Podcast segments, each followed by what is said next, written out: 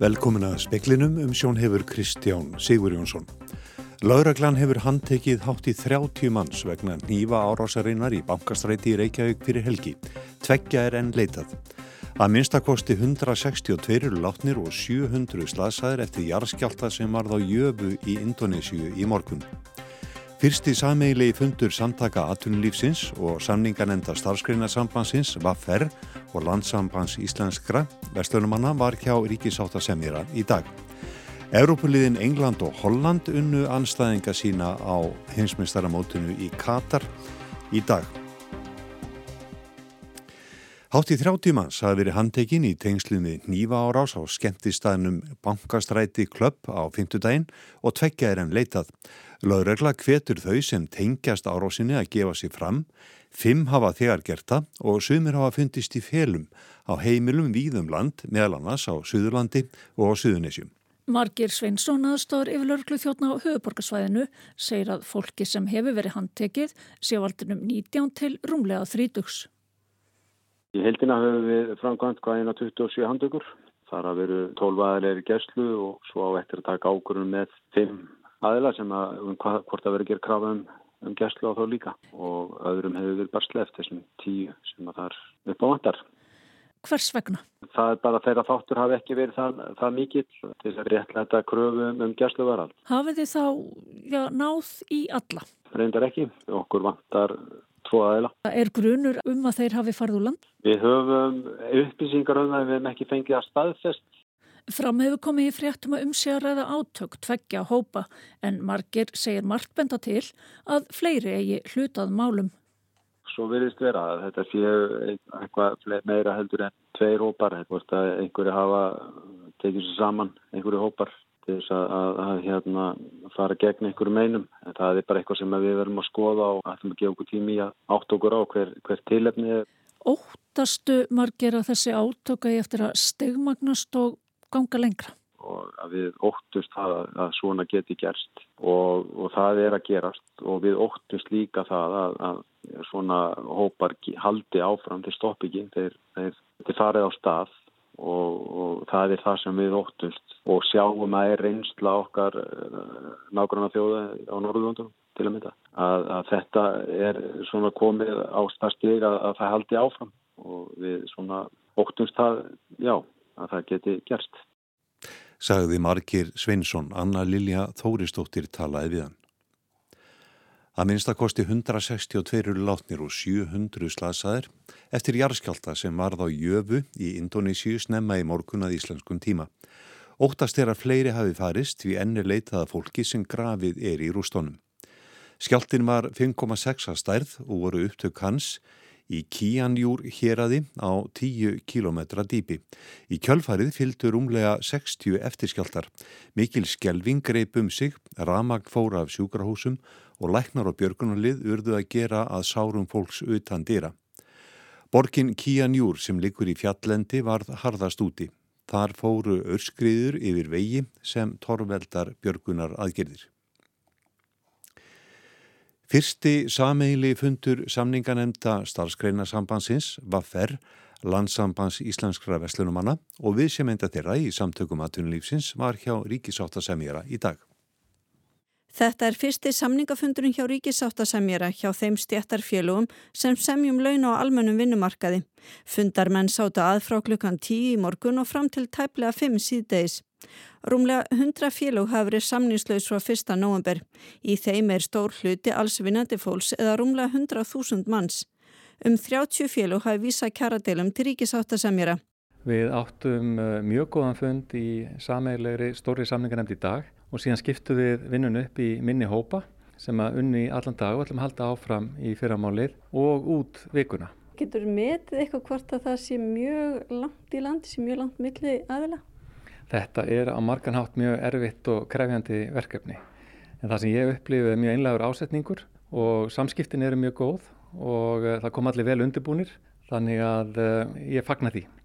Eblinga og fund með atvinnureikundum á morgum. Þeim kæra viðram hefur ekki verið vísað til ríkisáttasamjara.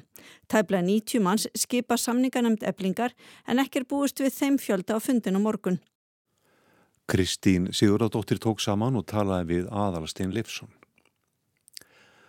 Rannsókn á banaslýsi á gatnamótum Barónstíks og Grettiskötu þar sem ungur karlmaður á rafskútu ljesti áreikstri við rútu er á frumstígi hjá rannsóknanemnd Sangönguslýsa.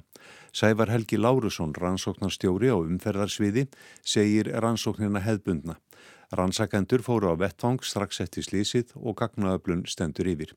Hann segist ekki geta sagt neitt um rannsóknar lok, starfsfólk gefið sér góðan tíma í rannsóknuna og vandi til verka. Dómsmálaráðuneytið fekk ákúrur frá íslenskri ætleiðingu eftir að ráðuneytið stöðvaði ætleiðingar frá Sri Lanka árið 1986. Það var gert eftir að uppkomst um fölsuð skjölbart sem ætleitt var þaðan hinga til hans.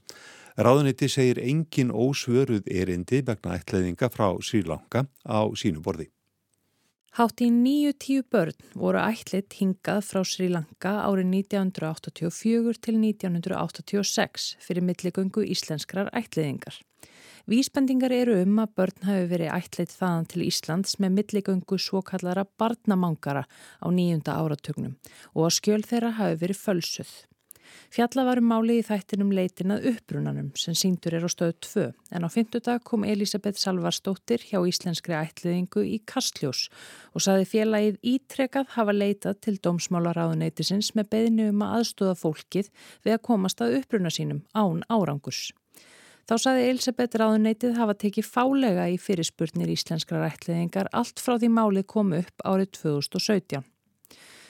Dómsmálaráðuneytið hvaðist hins vegar hafa fullan vilja til aðstóða í tilfellum þar sem hugsanlegt er að gögnum uppbruna ættleitra barna gætu hafa verið fölsuð en segir að úrræði ráðuneytisins kunni að vera takmörkuð. Ráðuneytið segist hafa fengið ákúrur frá stjórn íslenskrar ættleðingar á sínum tíma fyrir að hafa tekið fyrir ættleðingar frá Sri Lanka. Það sést greinilega í fundargerðum samtakana frá nýjunda áratögnum þar sem oft var bókað um bannið og samskipti við dómsmálaráðuneytið. Ráðuneytið segir engar ósvaraðar fyrirspurnir frá einstaklingum varðandi afhendingu gagna um ætliðingar frá Sri Lanka líka hjá ráðuneytinu. Nánar er fjallað um málið á VF Rúf. Gunnhildur Kerúl Birgistóttir saði frá. Alþjóða heilbreyðistofninin, HÚ, segir lífshættulegar aðstæðir vofa yfir úkrænumönnum í vetur vegna árás á raforkukerfi landsins. Hans Klúke, yfirmaður Európa-deildar HÚ, segir komandi vetur snúast um að lifa naf. Eldflöga árásir á raforku innviði hafi nú þegar veruleg áhrif á heilbreyðiskerfi úkrænu og helsufar almennra borgara. Hann segir allþjóða heilbriðistofnanina hafa skráði yfir 700 árásir rúsa á heilbriðistofnanir í Ukrænu síðan innrásinn hófst í februar.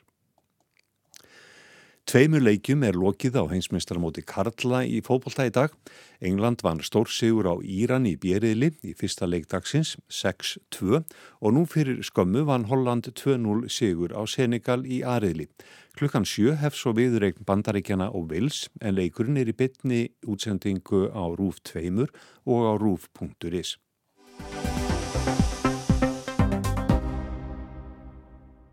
Slísum af völdum rafskúta hefur fjölgað mjög undanfæri misseri, samfara því að fleiri og fleiri slík hjól, bæði í enga og fyrirtækja eigu, eru flutt inn og tekin í nótkunn. Banaslís varðum helgina í miðbæri Reykjavíkur og tölur frá slísadild landsbytana sína að margir meða sig og slasa á þessum faratækjum. Um miðan júni var eftirfærandi frétt flutt í hátegisfréttatíma útarsins. Tvö rafskutluslis urðu í gær þar sem ekið var á börn. Aðstóðar lauruglustjóri segir slisunum hafa fjölgað verulega undanfarið en ekkert aldurstakmar gildir um akstur á rafskutlum. Guðbrandur Sigursson, aðstóðar yfir lauruglu þjón umferðadeildar, segir að slisum hafi fjölgað mikið samhliða aukinni nótkun rafskutluna. Umfæðalög hveð á um það að dramaslaupa hjól falli undir skilgreiningun að vera reyðhjól og það gilda allar sögum reglur um ramarsleipa hjól og reyðhjól fyrir utan það að þeim má ekki akka á vegi þannig að það eru gerða frekari kröfur þar þeim má bara akka á gangstíft eða gangstífum eða hjólarinnum. Engin aldurstakmörk eru á nótkun ramarsleipa hjóla. Í loka skýslu starfshóps um smáfaratæki eru kynntar tellur til úrbóta til að auka öryggi nótenda faratækjana. Þórhildur Elín Elinadóttir er samskiptastjóri samgöngustofu. Það sem að lagt er til meðal annars er að reyna ná til þessara hópa þar sem við sjáum að slísin verða og hefur farið fjölgandi. Það er annars vegar ungur aldur notenda og hins vegar fólk sem er að nota tækin undir áhrifum áfengis. Þetta var úr hátegisfréttum þann 16. júni og þetta er ekki einu slísin á þessu ári. Innviðar á þeirra skipaði starfshóp um smáfarartæki í byrjun þessa árs og skilaði hópurinn af sér skýslu um úrbætur og breytingar á lögum.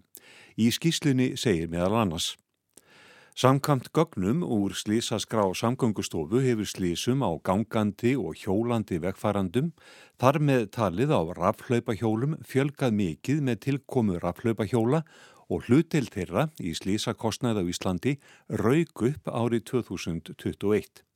Reykjavíkuborg er með í vinslu nánari skoðun á öryggi vegfaranda á rafhlaupahjólum.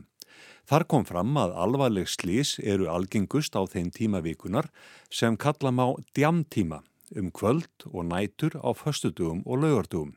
Nánari skoðun á fjölda slasaðra í mismunandi flokkum sínir að 39% alvarlegra slasaðra á raflaupahjóli lenda í slísi á örfáum klukkustundum um helgar. Það er mun herra hlutfall en í nokkrum öðrum flokki. Greining neyðarmóttöku landsbítalans árið 2020 stýður við þetta en 40% þeirra sem þanga leituðu, 18 ára og eldri, voru undir áhrifum þegar slísið átti sér stað.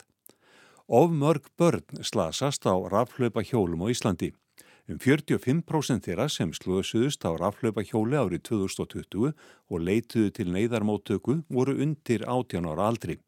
Sérstaka aðtikli vekur að þriðjungur af þeim voru undir 10 ára aldri en raflaupa hjól eru að jafnaði hönnuð fyrir notendur sem eru 14 ára og eldri. Mjög ung börn ráð ekki yfirfæritni til axtus velknúina aukutækja og fá yfirleitt ekki umferða fræðslu í skólum. Það er því kníjandi að stjórnvöld setji aldursmörk fyrir nótkun raflaupa hjóla. Tilvitin líkur. Ætlamætti sænkvæmt þessu að hálgert ófremdar ástand hafi ríkt í rafskútumálum höfuborgarsvæðisins síðustu 2-3 ár og að kunnátt af þeirra sem nota rafskútur á lögum og reglum sé takmörkuð. Jónas Birgir Jónasson, lögfræðingur hjá skrifstofu sangungumála í innviðaráðunitinu, átti sæti í starfsóknum sem skilaði af sér í sumar. Hann tekur ekki svo djúft í árinni.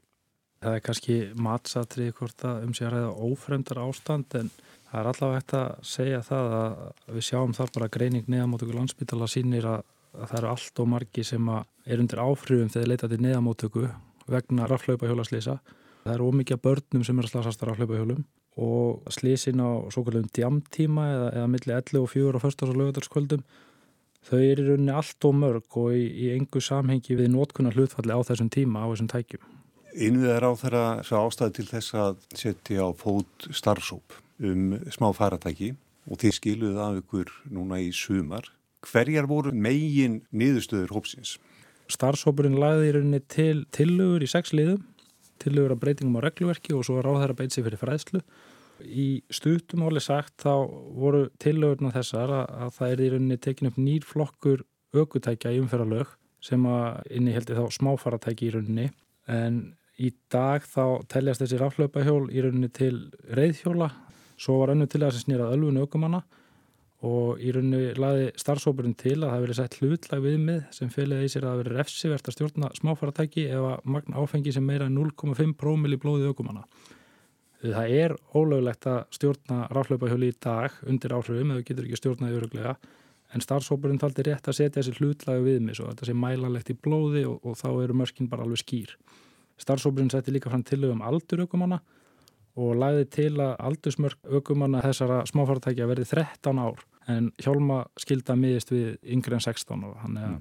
þetta er rauninu sömu aldursmörku á léttum bifjólum í flokki 1 og hjálma skildan er eins og áreiðhjólum. Starfsópurinn lagði til að það veri lagt skýrt bann við því að breyta hraðastillingum á, á ráflöpahjólum eða smáfartækjum og léttum bifjólum og ramasreiðhjólum og það í rauninni refsivert að breyta þessu þannig að ef einstaklingu breytir hjólunu þannig að það komist hraðar en 25 km á klukkustund með afli þá verður hægt að refsa fyrir það. Og svo lokum var einn tillaga sem snýri ekki að laga reglugjörabreitingum og hún snýri rauninni að því að innveðar ráðherra beiti sér fyrir því að ráðherra sem fyrir með fræðslumál hann setji umferðafræðslu í aðalnámskrálíkt og umferðalög hveð áum en svo er ekki í dag skils mér. En þessar lagabreitingar sem að þið leggja til, nú er eitt að leggja til breytingar, hefur verið unnið að því að koma þessu til frangvandan? Já, í rauninni allt frá því að skíslan kom út í júni þá hefur unnið að því ráðanitinu að skrifa frum varp og það hefur þurft að fara í gegnum þann feril sem að svona mál þurfa að fara í gegnum, það tekur nokkuð tíma og það þarf líka vanda til verka. En innvegar á þeirra stefnir að leggja fram frumvarp núna þessu ári og í frumvarpinu þá verða meðalans laga til breytingar á umferðarlegum sem snúa smáfæratækjum og ráð þeirra fjælst í rauninni á allar þessa tillögu starfsópsins og ætlar þá að færa þessar breytingar í lög sem snúða lagabreitingum og beita sig fyrir því að umferðarfræðsla verði hluti af aðalnámskrá í leikskólum, grunnskólum og framhalskólum. Þetta var Jónas Birgir Jónasson.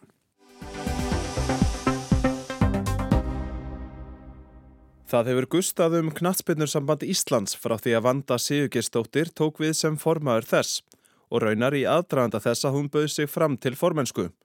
Nú síðast var deilt á sambandið fyrir að veita landsliskonum ekki samskunar viðurkenningu og landsliskörlum við þau tíma mótað leika hundraðasta landsleik fyrir Íslands hönd. Vanda Sigurgistóttir er í Katar. Þetta séf Pálsdóttir, íþróttafréttamæður, rætti við hana í dag. Förum aðeins yfir þessa gaggríni sem þú hefur fengið, já svona sérstaklega síðustu vikur, kannski tengslum aðalega við, við treyjumálið stóra. Að það hef ekki náðust í þig og fleira. Hvernig, hvernig svarar þessari gaggríni? Sko kannski þegar kemur að svona jafnbærtismálunum og því að sem var sagt að ég, að ég veldi og allt og oft auðveldulegina þá langar mér bara að segja að, að, að ég væri ekki fyrsta konan sem er formaður í, í knæspundsambandi í allir Evrópu eina mjög fáum konum í öllum heiminum ef að ég hefði, hefði gegnum tíðinu og núna værið að velja auðveldulegina. Varðandi treyjumálið að þá náttúrulega svaraði Klara en það er þetta mál sem er á hennaborði. Eh, ég fór Erlendis. Á mánudagsmórninum þegar þetta allt gerist í rauninni þá er ég að fundi með mentamálaráðara og er að ræða um einelti, eitthvað sem skiptur okkur miklu máli í samfélaginu, bæði í Íþróttum, tómsundum og í grunnskólum. Klara fyrir viðtöl. E, síðan ég, fer ég á ráðstöfnum, ég var bóðið bara mikill heiður, eina 33 sem var bóðið á svona future of football ráðstöfnu hjá Júfa, þannig ég er að fljúa. Ég er ekki með eitt einasta ósvara símtal. Einu sem að ringdi í mig á þriðudeginum sem að ég hérna, sá að sendi mér SMS var Kristófur Helgarsson. Ég sagði hann um því miður, ég get ekki svara fyrir eftir klukkan 6 eftir það er velkomið. Annars ekkert SMS, engin tölupóstur. Þannig að ég er ekki alveg, hérna, ég get ekki tekið undir, undir þetta. Var þetta sérstaklega úþægilegt fyrir þig af því að þannig er allir komna landslýskonur sem eru farnar að gaggrina þig? Já sko þær voru ekki að gaggrina mig, ég er nú búin að ræða við þær hérna báðar eða þess að Dagnisi setur þetta fram og glóti sig og, og við bara átt mjög gott samtal og mér finnst kannski mikilvægt að segja sko þessi, þessi tilfinning að finnast maður ekki vera eins mikilvægur. Ég fengi þessa tilfinningu oft. En þetta, er, þetta bara stakk mig að því að ég held að ég var tíu ára þegar ég byrjaði í afbrettspartuna þá var ég að berjast á söðakróki að því að ég vildi fá að vera í stuppbúksum eins og strákarnir en ekki leikuminsból þannig að eftir það hefur þetta verið í hjarta mínu og, og þetta verður bara svo uh, personlegt En hvernig svarar vanda þeirri gaggríni sem hún og knaspundursambandið fengu fyrir að þykja bóð Sáti Arabíu um vináttur landsleik og að Sátar greittu fyrir þann leik umfram kostnað. Sér hún eftir þeirri ákvörðun? Nei, en ég ætla alveg að viðkynna að þetta hefur samt verið erfitt og ég hef alveg allan ennan tíma fengið efasemtir og ég er skil gaggrínuna, mjög vel. En alltaf þegar ég hef verið alveg bara svona, þú veist, og vakað yfir þessu og svona, því þetta er mjög erfitt og mjög flókið ég, og eins og ég segi, bara ég skil gaggrínuna, skil að margir séu að vera fúlir, en Ég ákvað þegar ég fór í þetta starf og ég ætlaði að vera sjálfur með trú og ég trú á samtalið. Einhverju sagði eða einhverju starf það væri afsökun, það er það ekki hjá mér. Ég hef unnið eftir þessum aðferðum og ég mista kent þetta í háskólanum í 20 ár, mikið veið samtalsins. Ég held að boykott sé ekki svarið og þannig að það var í rauninni þessi einlægi vinli minn að því ég fór náttúrulega að lesa mig til og skoða og þá kemur náttúrulega bara í lóst að Sátiárabi er að byrja með kvennafólkvölda, byrja með kvenna landslið, búin að spila fjóra landsleiki Þannig að þetta var eitthvað sem ég vildi styðja og styrkja og ég trúi svo mikið á að, að mannrettindi og staða hvenna haldist svolítið hönd í hönd og ef við getum bætt stöðu hvenna þá held ég að það hefði ákváður á mannrettindi. Þannig að það var þetta sem við sem knattspunnarsamband vildum gera með knattspunnarsambandi Sáti Arabíu. En þú talaður um að þú myndir fara sjálf fangað mm. út með ákveðin skilabóð þess að þú gerðir svo ekki. Nei. Komuði einhverjum skilabóðum á framfæri og hver þá voru þau? Já, ég fór ekki að því að ég hérna, fekk mín vestu íþróttameðsli, var svo mann til að segja. Eh, ég bara gæti ekki verið ennþá að haldra hennum, en já, við fundum í gær með formanni og framkvæmdasjóra í Sáti Arabíu. Áttum þar mjög góðan fund, munum funda svo áfram með þeim sem eru í kvennafókbaltanum sérstaklega. Þá sérstaklega sögður okkur meðal annars að, að sá sem er formaður núna byrjar 2019 og hann fer á flegiferði að berjast fyrir því að koma kvennalandsliði og deilt. Framkvæmdasjórin sagði við mig, ég held að hún myndi aldrei takast þetta í landinu okkar en honum tókst þetta Þannig að ég bara googla og sé myndir ef maður googlar um þetta lið og sjá bara myndir af brosandi fókbalstelpum og það er bara, mér langar bara að hjálpa þeim. Kannski er þetta barnalegt hjá mér en þetta er bara ég. Ég veit, þú vilt ekki segja mér hvað KSI fjekk fyrir að spila þennan leik. Nei. Ég hef, heyrt ímsar uh, tölur, mm -hmm. svo hæsta er 100 miljónir. Er það í grendinni? Nei, það er ekki í grendinni. Eh, eins og ég hef sagt áður, þetta er náttúrulega trúnaða samninga en ég get samt alveg sagt að þetta er rétt rúmlega kostnæður og þetta er aðferð sem að við reynum að nota. Ég fór sjálf sem þjálfari 1997 held ég með kvennilagsleiti bandarækjana á svona samningi þar sem að borga fyrir okkur og hérna, þetta er eitthvað sem við erum búin að gera mjög lengi, bursið frá við hverja við erum að spila en þannig að nei, þessar sögur sem að gengu voru færið sannleikanum. En er þetta einhver tala sem breytir til dæmis einhverju í rekstri, kási? Nei, eins og ég sagði, þetta er bara rétt rúmlega fyrir kostnaði við ferðina. Vanda segir að KSI og fleiri knaspindursambönd, meðal annars á Norðurlöndunum, ætli að beita sér fyrir bættum mannreitindum í Katar eftir að mótinu líkur. Gianni Infantino fórseti FIFA lístu um helgina yfir stuðningi við minnihlutahópa og skipurlegendur HM í Katar. Hann gaggriti jafnframt vestræna framámenn fyrir að fara hörðum orðum um mannreitindabrót í Katar. Hvað finnst þér um hans uh, framgöngu? Sko, Infantino hefur, ég er búin að vera að kynna mér þetta, þetta er náttúrulega fyrir minn tíma, en ég veit að það er margt sem hann hefur gert vel. Hann til dæmis, undir hans stjórn er öllu fyrirkomuleginu val á þjóðir sem að halda mót, öllu því fyrirkomulegi er breytt. Frá því að þetta var litla klíkan og mútur innan stjórnar FIFA, þá núna velja öll sérsamböndin í heiminum velja staðinn og það eru svona einhvers konar skorkort eða eitthvað þannig sem er fyllt út og mannréttindi eru til dæmis stór partur af því. Þannig að þegar það var valið Bandaríki, Mexiko, Kanada til dæmis að þá er þetta allt saman unnið miklu miklu fagleira og eins og ég segið öll sérsamböndin. Þannig að hann má eiga það, þessu var breykt sem var mjög mikilvægt. Hann hefur líka gert alls konar fyrir hvernafókbalta en hafandi sagt það, þá er ákveðum ombriði hjá mér núna, ég, mér fannst að það var svona mikið svo í gær verið að tala um að fókbaltinn saminar en mér fannst kannski þetta sem blaðmannum fundur hans Mér veist hann vera meira svona polarisera og svona en ekki að samina. Mm. Þannig að það var, ég var svona fyrir vonbrið með það, ég verði alveg að segja það. Aðeins verið að fylgjast með þessu með fyrirleðaböndin, ég hef líka orðið fyrir vonbrið með það.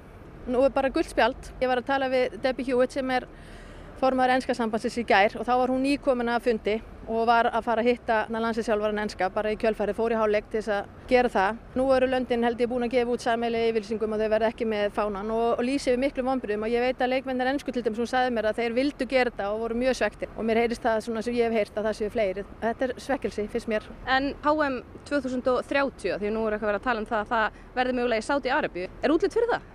Ég, e, e, sko allavega það sem ég veit er að nú eru öll, allar þjóðir heims að kjósa og það eru svona sniðmátt og það er að veru mannettindin og svona. Þannig að ég veit að Spát, Portugal og Úkræna ætla er að stefna og ætla að gera tilbúði ég er sérst ósk eftir að fá að halda. Það, það er svo sem ómögulegt að segja en auka fara bara til spánar. Þetta var vanda Sigurgeirstóttir í viðtali við Eddu Sif Pálstóttur Bjarni Rúnarsson tók saman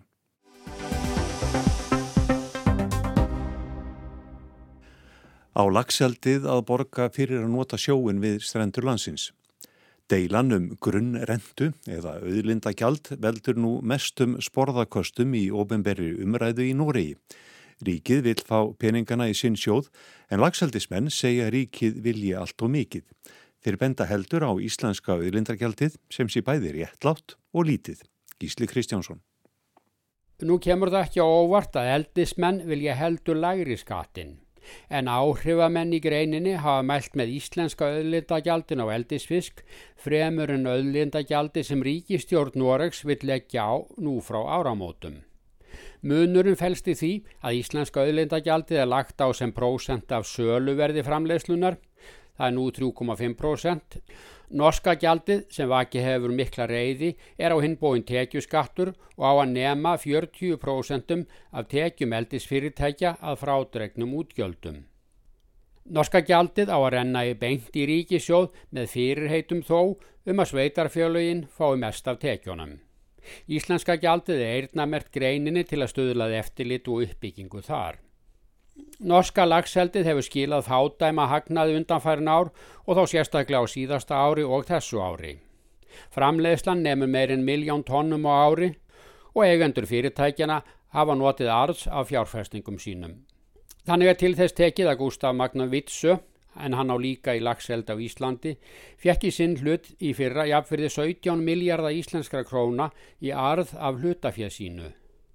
Öll fyrirtæki í greininni hafa skilað eigendum sínum drúum tekjum, það er talað um 20 miljardar. Þetta er gaggrínt vegna þess að eldisfyrirtækin hafa ókeipis aðgang á öðlind sinni sem er sjórin þar sem fiskurinn vex og dafnar. Þjóðin á þennan sjó og allan aðgang að möguleikum til að ala upp fisk við ströndina.